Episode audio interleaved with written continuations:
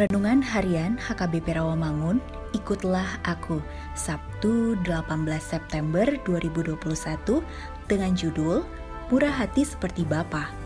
Bacaan kita pada pagi ini tertulis dalam 1 Raja-Raja 17 ayat 5 sampai 18 dan bacaan kita malam ini tertulis dalam Matius 23 ayat 29 sampai 39 dan kebenaran firman yang menjadi ayat renungan kita hari ini ialah Lukas 6 ayat 36 yang berbunyi, Hendaklah kamu murah hati sama seperti Bapamu adalah murah hati.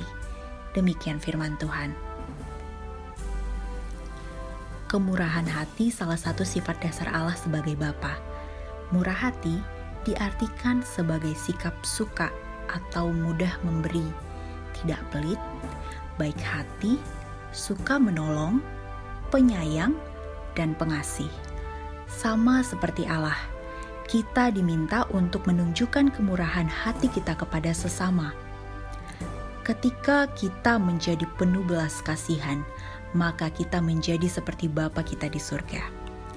Perintah terbesar dari segala perintah adalah kasihilah Tuhan Allahmu dengan segenap hati dan jiwamu, dan kekuatanmu dan akal budimu.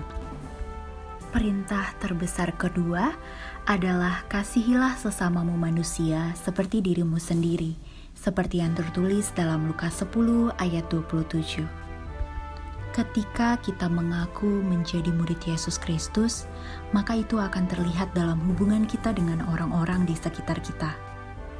Kemurahan hati merupakan salah satu sikap yang harus ada pada orang percaya sebagai respon kita akan anugerah keselamatan yang telah kita terima dari Tuhan. Di masa pandemik ini, kita bersyukur atas kemurahan Tuhan yang sudah kita rasakan. Marilah kita juga meneruskan kemurahan Allah itu kepada sesama kita, agar mereka pun dapat merasakannya dan memuji Tuhan. Kemurahan hati tidak selalu harus berbentuk uang atau benda, tetapi hal kecil apa pun sangat berarti, seperti memberikan simpati dan perhatian kita melalui doa dan waktu kita. Orang yang murah hati akan diberkati Tuhan. Apa yang bisa kita berikan hari ini untuk saudara kita? Mari kita berdoa. Terima kasih Tuhan Yesus untuk kemurahan hati yang Engkau berikan dalam hidup kami. Berkati hidup kami, supaya penuh kemurahan hati dan penuh kasih bagi sesama.